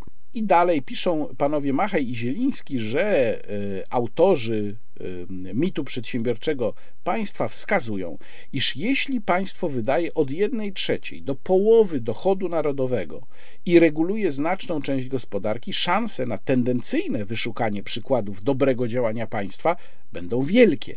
Zadać trzeba więc pytanie, co lepiej, biorąc wszystko pod uwagę, stymuluje powstawanie innowacji: mądre państwo czy komercyjnie testowane ulepszanie. Polecam Państwu książkę Mit przedsiębiorczego państwa, którą to książkę można kupić na stronach w sklepie Instytutu Misesa. Link e, w opisie filmu. I jeszcze przypomnienie o zbiórce na wydanie książki Sir Rogera Scrutona, wydanie książki przez Fundację Incanto, którą w ogóle polecam, stale polecam Państwa e, uwadze. Książki Understanding Music, zrozumieć muzykę. Zbiórka, w której potrzebne jest około 52 tysięcy na wydanie tej książki, na szczęście dobrze się rozwija i jest tam już w tej chwili prawie 80% potrzebnej sumy, czyli 41 tysięcy złotych. Bardzo serdecznie Państwa zachęcam do tego, żeby dorzucić się tam. Naprawdę już niewiele brakuje. Prawie jest osiągnięte 100%. Proszę jeszcze bardzo proszę zrobić ten wysiłek, jeżeli Państwo mogą i dorzucić się do zbiórki na wydanie książki Rogera Scrutona, Fundację Incanto. Warto wspierać. Bardzo serdecznie Państwu polecam, wszystkim Państwu, którzy lubią dobrą muzykę e, dawną. No i przyszła pora na złożenie życzeń. Z tymi życzeniami mam problem, ponieważ e, sytuacja nie idzie w dobrym kierunku, a my mamy przed sobą święta bardzo radosne. To są najważniejsze chrześcijańskie święta. To są święta, kiedy mm, obchodzimy zmartwychwstanie, odrodzenie, więc święta z natury swojej najbardziej optymistyczne. Ja Państwu życzę tego optymizmu mimo wszystko. Życzyłbym przede wszystkim, żebyśmy kolejne święta Wielkiej Nocy obchodzili w korzystniejszych okolicznościach i życzyłbym również sobie i Państwu, żeby te moje najczarniejsze prognozy dotyczące tego, w którym kierunku zmierza Polska, nie spełniły się. I nawet jeżeli kosztem będzie to, że różni hejterzy będą mi pisać, o proszę, tak pan tutaj czarno widział to wszystko, a teraz wiadomo, no nie jest aż tak źle, to tak, no życzyłbym sobie, żeby tak było. Wolałbym, żeby się to nie spełniło i życzę przy okazji świąt Wielkiej Nocy tego sobie i Państwu, żebym się mylił. Życzę również spokoju i radości w te święta, a my zobaczymy się za około 7-10 dni. Kłaniam się Państwu. Łukasz Warzecha. Do zobaczenia. Dobrych, spokojnych, radosnych świąt.